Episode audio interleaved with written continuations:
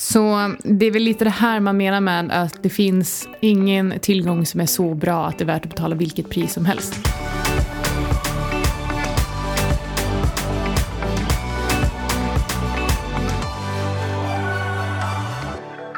Outsiders försöker just nu ta reda på om börsen är öppen eller inte. Det är halvdag. Det är halvdag. Du lyssnar på Outsiders nummer 113 och det sitter en Alexander Marton just nu och undrar när får han filen? Det var nämligen så att jag skulle få en liten leverans med en ny cykel igår och eh, den leveransen drog ut på tiden och efter det var jag ute och gled på min nya Specialized. Det kändes magiskt.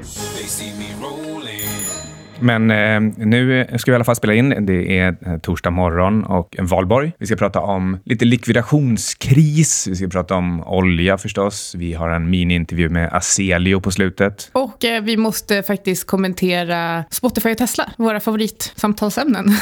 ja, men ska vi börja med att prata om tre risktyper som kan vara värt att hålla i minnet nu när det svänger lite? Ja, eh, och jag tänkte bara att vi går igenom dem lite snabbt för att det är bra att hålla hålla koll på framförallt den sista när vi diskuterar Fed. Och när vi pratar risk så lyfter vi ofta Howard Marks och vi brukar egentligen stanna vid att risk och avkastning inte har ett linjärt sammanhang eller samband. Men om du, om du nu förvaltar din egen portfölj så behöver du också hålla koll på eh, portföljrisk som egentligen avser den dagliga risk som du tar i portföljen och det skulle kunna vara liksom den dagliga volatiliteten. Och eh, för att hantera portfolio risk så är det bra att inte ha några enskilda stora bett, att ha positioner utspridda i olika typer av tillgångar med låg korrelation och egentligen enbart fokusera på marknader med hög likviditet för att komma lätt in och ur en position. Om, om man eh, stannar upp lite grann här så det som eh, du då kallar för portfolio risk, det är vad folk i, i dagligt tal brukar kalla för risk helt enkelt. Alltså det är, man, man mäter det genom standardavvikelse eller volatilitet. Sen använder man det för att till exempel räkna ut en, en sharp-kvot som liksom, eh, väger avkastning mot då den här liksom, eh, dagliga svängningen i kursen. Men eh, det, som, det som vi har lyft fram så många gånger, det är att det där är ju egentligen inte risk. Det där är när en statistiker eller matematiker eller framförallt ekonom ska försöka hitta ett mått som, som man kan föra in i sina modeller. Modeller då som liksom har massa felaktiga antaganden från början. Precis, så då är det egentligen de två sista som är mer intressant att titta på. Eh, kanske framförallt den andra. Och det är investment risk och det innebär den drawdown risk som man tar på längre sikt. Och det här är alltså den, den verkliga risken med investeringar eller sannolikheten att förlora delar av sitt kapital eller allt. Ja, man kan precis. Man kan uttrycka det kanske på två sätt. Det ena är eh, risken att man permanent förlorar en del av sitt kapital. Och ett enklare sätt att tänka kring det, det är att man har betalat för mycket. Det är helt enkelt när du från början vid själva investeringen betalar ett visst pris, då bakar du in vad du får för avkastning eller eventuellt bakar in vad du faktiskt får för förlust på lång sikt. Så det är väl lite det här man menar med att det finns ingen tillgång som är så bra att det är värt att betala vilket pris som helst. Nej, det här borde egentligen egentligen vara självklart, men eh, så är det liksom en slippery slope när man så gärna vill vara med när alla andra är med på börsen. Och, och då till slut så hamnar man i en situation där man faktiskt struntar i vad P talet är. För ja, om det bara är en enhet högre än senast så, så gör det inte så mycket. Och de, om, om bolaget tjänar x, x kronor så kanske det motsvarar 3 earnings yield. Den är fortfarande positiv. Det är bara det att betalar du dubbelt så mycket, då har du egentligen så bakat in att, att du helt enkelt har betalat dubbelt så mycket. Men du kommer fortfarande ha en positiv earnings yield. Den är fortfarande 1,5 procent och sen kan du dubbla igen så är den 0,75 procent. Och till slut så kan du betala en miljon kronor per hm aktie Du har fortfarande en positiv earnings yield, men, men någonstans så borde alla egentligen inse att man har betalat för mycket. Precis. Och eh, det leder mig kanske inte helt osökt in på den sista som är tail risk. Och tail risk betyder stor förlust av kapital på grund av extrema event. Och eh, Eh, det här är egentligen det som är absolut svårast att undvika. Och den största risken är en nedstängning av ekonomin. Och det är faktiskt det vi ser nu. Och anledningen till att jag ville prata om de här tre risktyperna var för att jag ville lyfta just tail risk. För det Fed gör nu, det är att de försöker eliminera tail risk. Och samtidigt så inför de en slags tail risk för, för de, eh, vad ska vi kalla det, så här forensic analysts, alltså de, de som är och, och, verkligen försöker gräva fram riktig och viktig information i marknaden. Det, det, som, det som gör att marknaden i slutändan faktiskt ska prissätta saker rätt och, eh, och göra marknaden i alla fall någorlunda effektiv de liksom, som då försöker blanka saker som är fel eller fraud eller fem gånger för dyra, de har ju den här tail-risken att, eh, att Fed köper vad som helst till vilket pris som helst. Så um, det leder väl oss då till frågan, är det fyndläge på börsen nu? Och jag tänker att vi skulle kunna dela upp den här frågan på två delar. Eh, fundamentalt och eh, med inslag av Fed. Och eh, med inslag av Fed så verkar det som att allting är köpbart hela tiden. Men innan vi går egentligen vidare och pratar om själva fyndläget eller inte så skulle jag vilja säga att um, ibland har jag diskussionen men tänk om Fed aldrig slutar trycka pengar. Men förr eller senare så kommer det ändå leda till en situation där de pengarna kommer ut i systemet, skapar hyperinflation eller stagflation. Eh, förmodligen stagflation kommer vara det vi ser nu. Och eh, då finns det liksom en hel del fallhöjd. Det var någon på Twitter som sa att jag inte alls hade haft rätt för att jag eh, i mars sa att det finns fortfarande fallhöjd på börsen, 30-40% och eh, efter det så har ju börsen gått upp och därmed hade jag fel. Ja, det är ju oerhört kortsiktigt, men, eh, men visst, det, det, är så, det är så man tänker. Um, och det, det, spelar ingen roll när du blir intervjuad, vad du säger för någonting. Om du inte säger att det ska gå upp så kommer du förr eller senare ha fel ändå. Ja, men exakt. Men jag tror fortfarande att det finns en hel del falläge. Men... men man brukar ju säga att man ska köpa när det flyter snor på gatorna. Och sällan har det väl flutit så mycket snor på gatorna globalt som det gör just nu. Eller som det kanske då gjorde där i, eh, i slutet på mars. Och eh, menar, statistiken, den ekonomiska statistiken, den vi liksom matas med hela tiden och den vi ställs inför när vi inte får gå till kontoret eller sitta på uteserveringar, den är ju helt enkelt extremt negativ. Nu kom, nu kom Italiens bilförsäljning kom ut i går eller förrgår. Minus 98 procent i april. Och då vill jag också säga att eh, folk säger att men nu börjar man öppna upp lite och då kommer ekonomin komma igång igen och då kommer man växa in i den här värderingen. Alltså värderingen var redan stretchad innan vi, in, innan vi liksom drabbades av den här fullständigt ekonomiska kaoskrisen. Och eh, det betyder alltså att den är desto mer stretchad nu, alltså att värderingen är desto mer stretchad nu. Och jättemånga har förlorat jobbet. Jag menar de här arbetslöshetssiffrorna som vi ser från USA. Vi, vi har liksom aldrig varit med om ens något som är liknande. Och det är inte så att någon förlorar sitt jobb och sen så får man helt plötsligt sitta på en restaurang och då springer folk och köper bilar. Det är liksom inte så ekonomin fungerar. Det här kommer jag säkert få eh, äta upp när bilförsäljning i Italien är uppe 4 000 procent nästa månad. ja, men alltså, så jäm, jämfört med vad den är nu så ska den ju ge upp 4 000 procent. Och, och, även om den går upp 4 000 procent month over month så kommer den ju fortfarande vara negativ. Så, så eh, det här att bara starta om beteendet helt och hållet när man nu har byggt in en känsla av att det kanske ändå finns någon slags risk där ute. Det finns en risk att man förlorar sina inkomster. Det finns en risk att ens, ens aktier faller. Det finns en risk att man eh, faktiskt inte får kunder till sin restaurang. Så eh, folk drar, liksom, drar in på sitt, sitt eget positiva och optimistiska vanliga beteende. Och det var liksom det beteendet som var så fintrimmat och liksom just in time-ordnat innan det här hände. Men man skulle kunna säga att investment risk är betydligt högre nu än vad det var i början på året. Ja, eh, man kan säga så här. Nu vet vi ju allt det här negativa och ändå så är priset lika högt som det var innan. Så eh, eh, jag kan ibland uttrycka det som att ja, men det här som hände, det skulle alltid ha hänt. Alltså framtiden skulle ändå alltid ha utvecklats som den gjorde. Men nu har vi ju dessutom informationen på fatet framför oss. Men vi har ju en, annat, vi har ju en annan information också, typ 8 trillion i, i nya pengar. Ja, och jag tänkte faktiskt säga det, för att det är väldigt lätt för oss att bara slå ifrån oss kommentarer som “men tänk om Fed aldrig slutar” och så säger man eh, “men det är inte så det fungerar” och så väljer man att gå vidare och föra en diskussion på ett annat sätt. Men jag tänker att vi kanske ändå ska, ska poängtera vad det är vi menar med att även om Fed fortsätter trycka pengar så betyder inte det att det löser lösningen på, eh,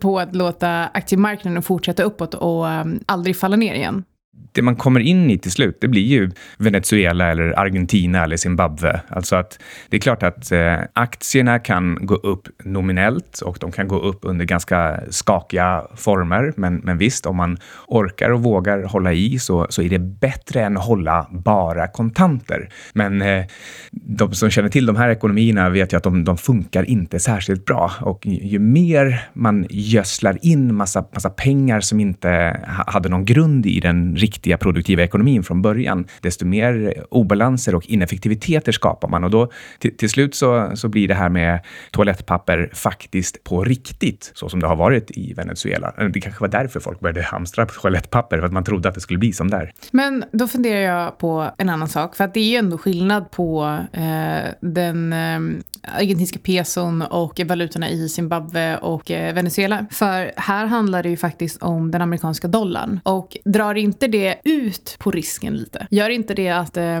att det kan ta lite längre tid att rulla över i ett negativt scenario för att alla vill ha dollar? Um, tänker du för just USA? Ja, den globala ekonomin följer ju inte Zimbabwe. Nej. Det är inte så att världsmarknaden faller för att Zimbabwe faller. Det är Nej, det jag menar. Och, och, det är ingen av oss som tror att det kommer bli hyperinflation i västvärlden heller, utan man kommer hitta någon annan typ av, av eh, sätt att, att göra en, en återställning och en reset. Men i eh, USA, vi har pratat om den här milkshake-teorin förut, och eh, det är så att det, det blir en brist på dollar, det blir en brist på positiva saker att investera i. USA är den minst smutsiga skjortan i, i tvätthögen. Det, liksom, det blir den man får ta på sig ändå när man ska gå ut där på lördagen. Och, eh, och det gör att eh, ju mer det skakar, ju mer det kaosar, desto mer kommer man söka sig till dollar och till amerikanska aktier. Så eh, det, det, är, inte, det är inte särskilt konstigt det här att, eh, att amerikanska aktiemarknader rusar upp och har gjort det i fem år, egentligen baserat på precis samma sak hela tiden. och också som det är nu, de, de fem största aktierna på USA-börsen, de, de, de står för den högsta andelen av totala market cap på, på börsen någonsin. Och där brukar jag liksom också, alltså det, det, det är det som händer när det är på väg att närma sig en topp, att allting koncentreras. Det koncentreras till USA, det koncentreras till aktier, det koncentreras till de fem sista aktierna. Och det är för att folk är desperata för yield, helt enkelt. Ja. Uh, men, men vad är det då som gör att det här inte kan fortsätta? Det är väl lite det jag vill ha svaret på. För, att, för du, du kan säga det här, men du får ändå svaret stock price bro. Ja, och eh, eh, vi, vi kommer väl tillbaka till värderingar då. Och det är, den, det är det som är investment risk. Man kan inte betala vilken, eh, vilken multipel som helst på årsvinsten. Eh, ja, visst, alltså det, det, det, går inte att säga vilket år det stoppar. Men, men har du betalat P100 och det inte är så att det kommer en exceptionell tillväxt för, för vinsten, då har du betalat för mycket. Och till slut så står det ändå någon där i andra änden och säger jag tänker inte betala P100 för att jag vill ha en, jag vill ha faktiskt en äkta yield på det jag betalar. Eller som Zoom på P-talet 2000 och jag sa på kontoret, nej, nu är de här multiplarna så höga så att det finns ingenting i hela världen som försvarar det. Jag kortar. Men på 1000 tyckte du den var okej? Okay? Nej, men jag tittade inte på den på 1000. Men sen så tyckte jag att det blev liksom lite för fånigt för att inte ta en short. Och några timmar senare så går Facebook ut och säger, nu släpper vi en gratistjänst. Och eh, Zoom föll från ja, 180. Men det är så här, vi, vi, vi skojar om det här och eh, vi har ju förstås inga, inga riktiga svar. Man ska inte hålla på och tajma, utan man ska, man ska förbereda sig, inte göra prognoser. Och sättet som vi har förberett oss på, det är ju helt enkelt att titta på, okej, okay, men alla de här pengarna som trycks, ja, de kan lyfta börsen. De kan fortsätta göra det. Men vad kommer de lyfta desto mer som är ännu lite tryggare att veta att det är det pengar påverkar? Jo, det är guldpriset. Exakt, och jag tänkte också säga det att när vi pratar om att vi, vi tror att det finns ytterligare fallhöjd, eller jag kanske säger för det var jag som sa det, att det, du har också sagt i och för sig, att du har i och för sig satt 33 procent gånger 3 eller någonting. men, ja. Men, eh, ja, men det är ju relationen. Ja, men exakt. Och när man pratar om eh, att det finns ytterligare fallhöjd, det betyder inte att vi sitter med kortpositioner på börsen, utan hela poängen med till exempel Cygnus har ju varit att hitta andra sätt att parera marknaden utan att ta liksom, spagatbett. Precis, det var väl liksom där våren 2017 eh, när du tyckte att det här med att korta börsen, det verkar ju inte funka. Så det är för farligt. Det kanske är rätt på något sätt eller, eller också inte, men, men, men det måste finnas ett bättre sätt. Också tyckte du, ja men time in någon market. Ja, exakt. Time in flera marknader. Så eh, ska, vi, ska vi lämna det här och, eh, och kanske gå vidare egentligen? Tror du att det finns fyndläge i olja? Här är det i alla fall väldigt många som, som tycker det och det är många som kastar sig in i oljan. Så det är det privata, alltså privatspararinintresset för att köpa olja har väl liksom aldrig varit så här stort. De... Och det här är egentligen, det enda man tittar på nu är priset. Man bara, nu är det billigt. Nu, nu står priset lågt jämfört med vad priset stod för ett par år sedan. Istället för att fundera på hur, hur ser lagersituationen ut, hur ser framtiden ut? Vi har en global nedstängning av ekonomin, planen går inte längre så att den totala efterfrågan på den här råvaran har liksom inte utplånats men den är mycket, mycket, mycket lägre. Så det kanske kan se lite tufft ut för den här råvaran i fortsättningen. Utan folk Folk är så, people are desperate for yield. Jag tror att det här är ytterligare en sån fråga och då tänker man okej okay, men nu har jag de här fem största aktierna men då kan jag köpa någon råvara också så har jag liksom eh, diversifierat mig och då är jag safe. Vi skulle ju egentligen prata lite grann om eh, likvidationsrisk och hur försäljningar och, och kriser i en tillgångsklass sprider sig till andra så att man, man säljer allt för att eh, eh, täppa till massa hål.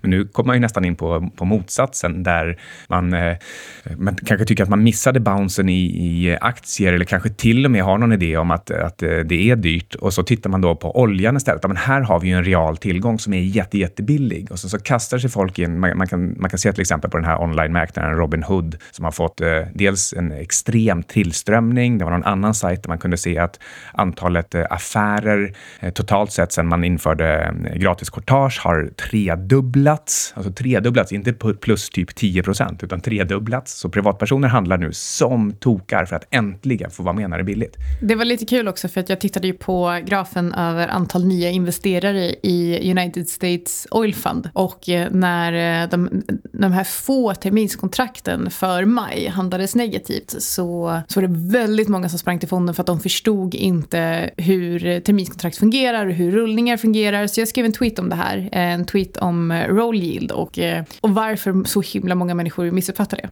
Om man backar lite grann och så bara säger liksom där, vad är situationen? Jo, ekonomin står stilla och det är svårt att stoppa pumparna på olja, så därför så pumpas det mycket mer olja än vad som används nu. Och producenterna som står med all den här oljan, som vet att den här oljan kommer månad efter månad, de säljer oljan på termin och de säljer nästa månad, nästnästa, tre månader, fyra månader, fem månader framåt i tiden. Så de fyller upp liksom terminskontrakten med olja som de har alla avsikter att leverera. Och, och, så har det inte alltid varit, utan de kan ha använt dem där för att, för att avlasta priset. Men sen nettar man ut liksom fram och tillbaka mellan de olika månaderna. Men, men nu säljer de in i terminskontrakten som USO eller direkta privatinvesterare köper, köper själva. Och sen när man kommer fram så att de här månaderna blir, eh, att det blir dags att leverera, att de förvandlas till frontmånad, ja, då plötsligt så finns det massa kontrakt som producenterna har för avsikt att leverera, men de som ska ta det, de har inte möjlighet att ta leverans. Alltså USO har inga lager, de kan inte ta emot oljan. Så, så de måste betala någon stora pengar för att bli av med den här oljan som annars dyker upp. Och, eh, och, det, och det är då privatpersonerna hamnar i kläm. De som har tänkt att ja, men värdet på oljan, det kan ju inte vara mindre än, låt oss säga 0 till 10 dollar. Men, eh, men när man har pumpat för mycket så har man pumpat för mycket. Då finns det ingenstans att ha den. Det är svårt att hinna bränna upp den och det är frågan om man ens får det miljömässigt. Och sen, och sen, eh, förutom det så handlar det om hur, hur länge kommer vi ha stora lager att ta av? Så från hur länge kan oljepriset vara lågt? Och det kan vara längre än man tror. Så länge det pumpas mer än det används. Och det räcker egentligen med att ekonomin går, låt oss säga, 3-4 procent långsammare än vad den brukar. Alltså, och nu är det ju betydligt långsammare än så. Ja, USAs BNP i Q2 var minus 4,8 procent. Q1 sa jag, va? Och, och Q2 är antagligen minst dubbelt så illa. Alltså vi pratar minst minus 10 procent i årstakt i Q2. Och resten av världen ser väl ungefär likadan ut och, och, det finns ingen anledning att tro att det här skulle vara särskilt mycket bättre i till exempel Q3 och ja, kan, kanske Q4 börjar komma igång. Men då har vi återigen det här med att folk ställer om sitt beteende. Så det kan vara liksom en ganska, ganska långsiktig förskjutning i mellan vad som produceras och vad som faktiskt efterfrågas. Och då pratar jag inte bara olja, utan pratar jag allt. Alltså om man går på stan och handlar eller äter på restaurang eller reser. Mm.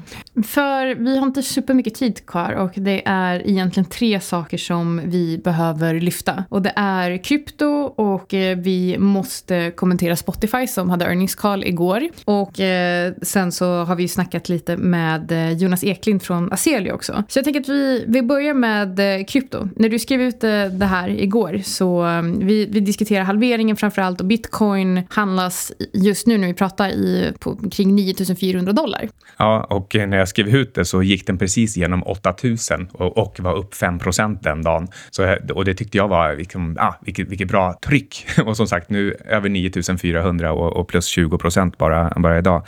Det här har ju med halveringen att göra den 12 maj. Ja, och eh, det är ganska lustigt ändå att, eh, att man har kunnat prata om det här länge. Man har förstått att det, det sker liksom någon slags dynamisk förändring på marknaden då. Och framförallt ett intresse som skulle kunna letas in. Och det, det här är ju inte en jätte, jättelikvid eller stor tillgångsklass. Den, den är ganska lätt att flytta när mycket privatpersoner vill in.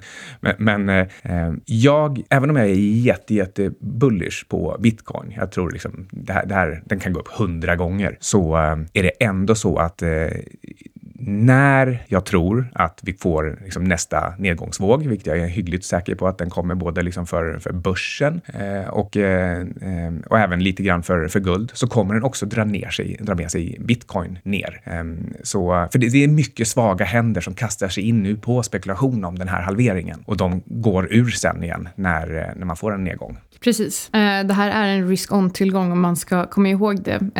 Jag kör fortfarande både bitcoin och ether och vi ska bjuda in Erik. Jag träffade Erik i helgen och eh, han kom jättegärna tillbaka och eh, diskutera mer eter. För det tycker jag framförallt är superintressant just nu. Men eh, så vi är fortsatt bullish eh, bitcoin. Men för mig är det här en ganska tidsbegränsad position eh, som jag eh, efter halveringen kommer börja sälja av ganska snart. Det är i alla fall planen just nu. Vi kan ju, vi kan ju komma tillbaka till det under de här två kommande veckorna. Ja, både när man ska sälja och eh, utan att ge några, ge några som helst rekommendationer. Men kanske inte minst om du vill fyndköp inköpsläge i juni. Absolut. Spotify släppte rapport igår och eh, de sänker kostnaderna. Eh, användartillväxten är fortsatt hög, eh, 31 procent year on year. Så nu har de totalt 286 miljoner eh, monthly active users varav 130 av dem är premium subscribers. Så det är ju helt fantastiskt, eller hur?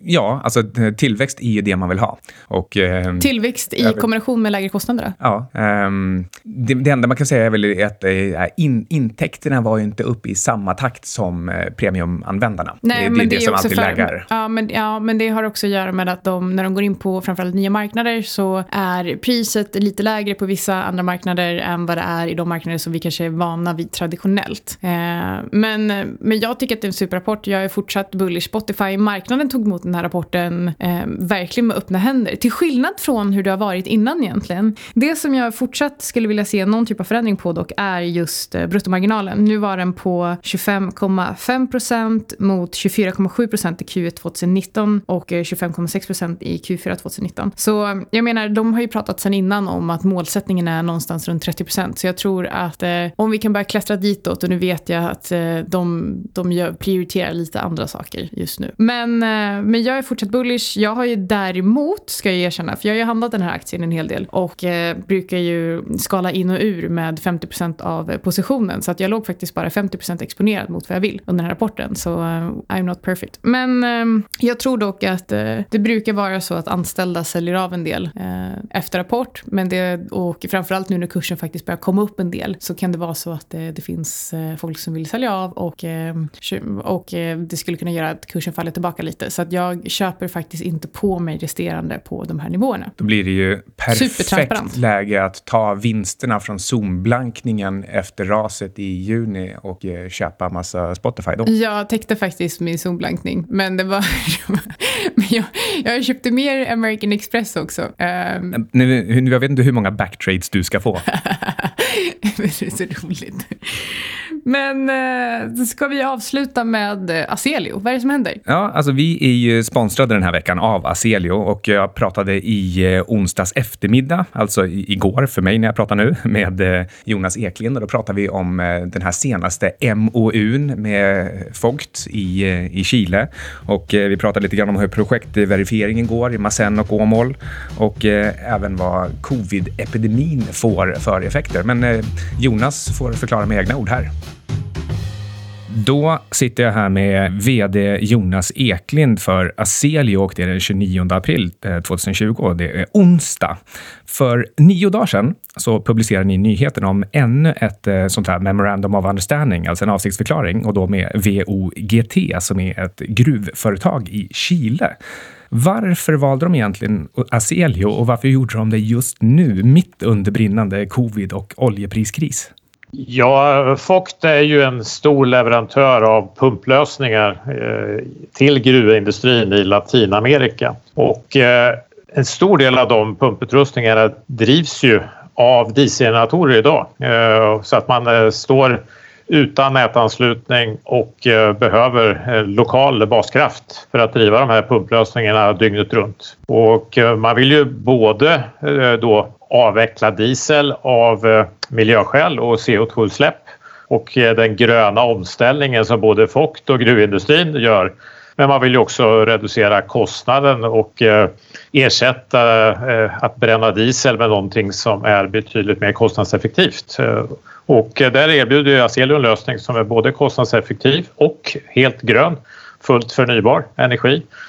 Och eh, Fox, precis som vi, precis som gruvindustrin, tror väl på en eh, framtid eh, efter covid-19 och coronakrisen också. Och den här tillfälliga dippen i, i, i råoljepriset ser väl inte Fox påverka deras långsiktiga affärsbehov av en, en fullt grön lösning för dygnet runt drift och med den här distribuerade baskraften för deras pumplösningar. Vi har eh, pratat eh, i det här avsnittet, även i förra avsnittet, om just eh, dynamiken för oljepriset. Men man måste ändå förstå att den kanske vanliga privatplaceraren inte får ihop det här ändå. Liksom att Eh, det måste vara ont om pengar både för Fogt och, och deras kunder och eh, det, det även de ser är ju det här e, extremt eh, låga oljepriset. Ehm, går det liksom att säga någonting mer om hur Fogt har resonerat när det gäller tajmingen att, att skriva på den här avsiktsförklaringen? Ja, tajmingen är ju det att vi har ju jobbat med dem och många andra i vår pipeline och nu var vi framme vid ett upplägg och ett samarbetsavtal här så att precis som, som vi, vi jobbar, så jobbar ju Fogt vidare med, med sina kommersiella, sitt kommersiella arbete och sin, eh, sitt, sitt företagande och försöker göra det absolut det bästa det går av, av situationen. Så det, det, var mm. inte någon mer tajming än att det var, det var här vi var i diskussionen och i genomgången av, av eh, deras behov och, och, vår, och möjligheterna för att vår lösning ska, ska lösa deras framtida behov av distribuerad baskraft. Ja. Hur lång tid kan det ta mellan att man har eh, liksom förhandlat klart och skrivit på MOUn till ni faktiskt skickar ut pressmeddelandet? Eh, det, menar, det, det finns ju insiderproblematik här som gör att man kan inte vänta allt för länge. Men, men jag, det var faktiskt någon som i ett onlineforum trodde att det, det här är så pass stora komplexa kontrakt att det kan ta flera månader från från att de är klara eller förhandlade till de presenteras. Det, det vore trevligt med någon slags dementi. Ja, alltså i, precis som du säger, är det ett insiderärende då publiceras det i samma sekund som det skrivs, eh, skrivs på. Där finns det ju ingen möjlighet att skjuta på någonting. Men eh, även när det gäller MOU som inte regleras av, av eh, insiderlagstiftningen så publicerar ju vi det löpande så fort vi har, har genomfört ett avtal och när vi har signerat det. Eh, det enda som kan förskjuta det är ju att det kan vara lite olika tids, tidszoner och att vår publicerare kanske sov just när det skrevs på men, men i, i grunden så, så publicerar vi ju allting så fort det har hänt. Ja, så uh, sannolikheten att Fogt skulle plötsligt komma tillbaka nu här tre dagar senare och säga att uh, det ser så konstigt ut på, på oljemarknaden så vi vill backa för, från det här, den är ju i princip noll. Uh, ja, det här är ju ett, ett, ett samarbetsavtal om planerade volymer och, och vad som ska hända här i, i framförallt till 2021 och framåt. Eh, och Foct ser ju ett väldigt stort behov av den här typen av lösningar för att kunna komplettera sitt erbjudande med till, till speciellt till gruvindustrin. Då. Just det. Nu var det här avtalet mellan 2021 till 2024, det är på 10 megawatt och så räknar jag om det lite slarvigt då till ungefär en halv miljard eh, givet eh, liksom de siffror som, som man kan eh, manipulera lite grann från eh, ursprungsprospektet. Men ni skrev ju dessutom för första gången, vad jag kan säga i pressmeddelandet, att Fogt och ni planerar att, att utöka det här projektet när det väl är klart. Alltså det, eh, det är liksom redan ehm, vad ska jag säga, eh, preciserat att så länge de här första fyra åren går som de ska så kommer man köpa mer. Ja, Fogt är ju en, en betydande leverantör av pumplösningar eh, till gruvindustrin och är väl den mest framträdande i, i Latinamerika och är ju ett bolag som har jobbat med pumplösningar sedan 1954. Så att Fogts affär när det gäller eh, pumplösningar i behov av, av distribuerad baskraft, den är ju betydligt större än vad som omfattas av vårt MOU. Så att förhoppningen från både vår sida och Focts sida är ju att eh, de här första affärerna kommer ju visa eh, i praktiken på hur bra eh, vår lösning både kommersiellt fungerar och rent praktiskt så att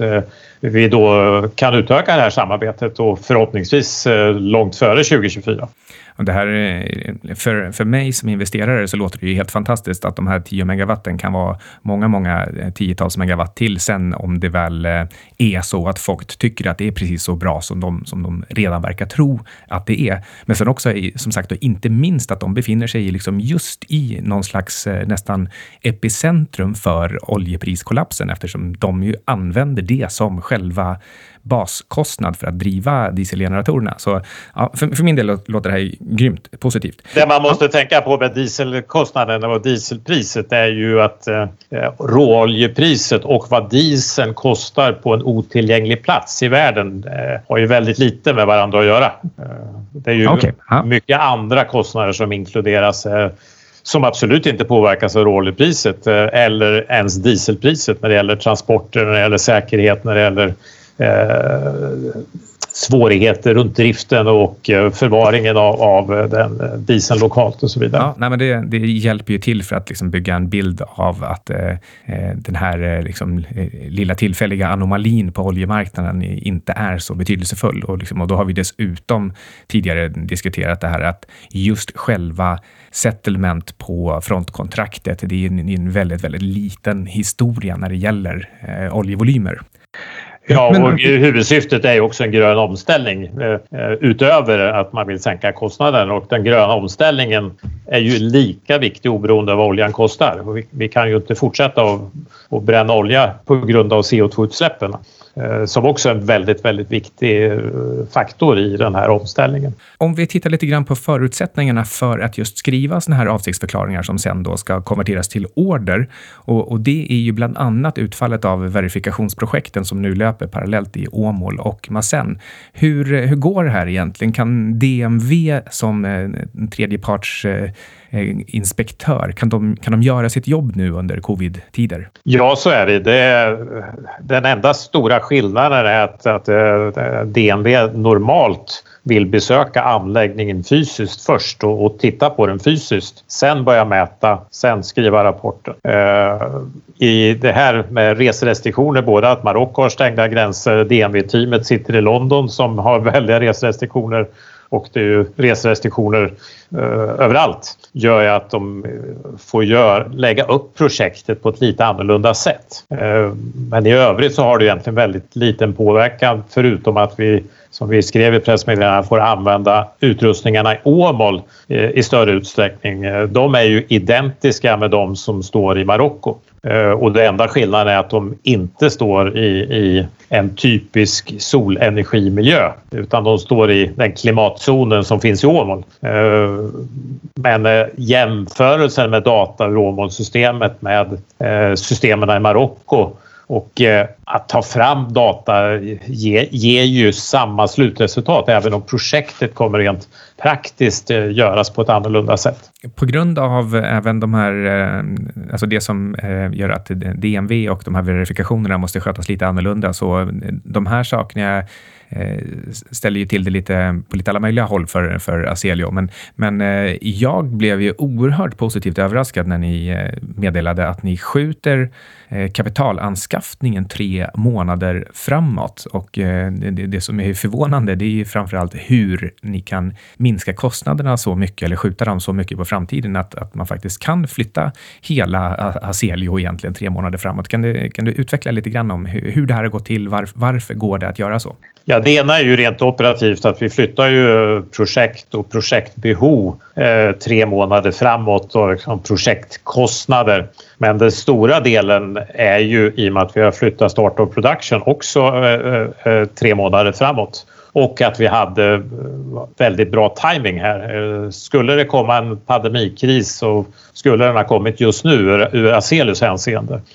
För vi kunde ju nu då skjuta upp Eh, initieringskostnader för start of production, typ eh, vissa verktyg, eh, processutrustning och även eh, vissa beställningar av eh, av komponenter, vilket gjorde att vi också kunde flytta eh, finansieringsbehovet eh, tre månader framåt. Eh, och det, det beror ju på som upplägget härifrån till start production.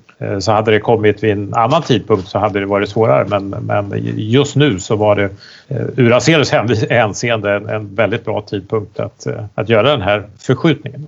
Vad händer precis nu? Vad är nästa steg eller är det någonting annat som du vill eh, som avslutningsvis bara berätta om eh, var Aselio står eller, eller gör? Ja, vi fortsätter ju jobba precis enligt plan och eh, rent praktiskt så har ju den här nedstängningen i den här fasen väldigt liten påverkan på, på Aselio. Vi fortsätter med vårt marknadsarbete och omvandla intresse till MOUer och omvandla MOUer till, till ordrar. Och vi fortsätter med vårt industrialiseringsarbete och förbereder eh, volymproduktionen. Och vi fortsätter då givetvis med verifikationsprojektet och att skapa en fullt belåningsbar lösning. Eh, och där har ju hela den här coronaproblematiken haft en minimal påverkan på hur, hur vi jobbar eftersom vi redan var så digitaliserade, redan jobbat väldigt mycket med, med eh, onlineplattformar och att det vi gör nu och eh, nästan närmaste året eh, är ju sånt som vi i stor utsträckning kan göra online och vi inte behöver resa eh, för att, för att utföra vårt jobb. Oavsett så tycker jag det verkar som att vi står inför 12 fantastiskt spännande månader, både för resten av världen men inte minst för Aselio. Det ska bli verkligen kul att se utvecklingen och var vi står någonstans i slutet av april 2021. Så då tackar jag Aselio och eh, Jonas Eklind så himla mycket för idag.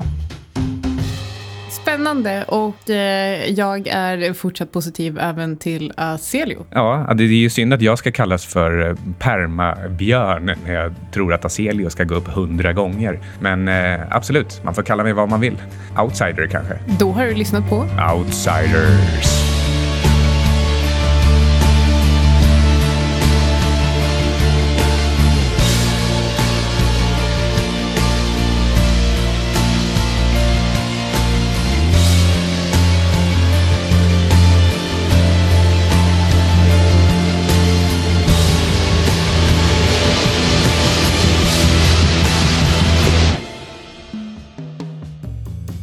Ingenting som du har hört i uh, Outsiders har varit någon typ av uh, rekommendation. Så hur du än gör, försök inte få det till en rekommendation heller. Utan alla placeringar är förknippade med risk som gör att du kan förlora hela eller delar av ditt kapital. Vi äger emellanåt uh, vissa av tillgångarna som vi diskuterar i den här podcasten och våra sponsorer tar inget som helst ansvar för hur du handlar i de tillgångarna. Podcasten är menad för information och underhållning även om vi förstås själva gör så gott vi kan när vi tittar på de olika tillgångarna.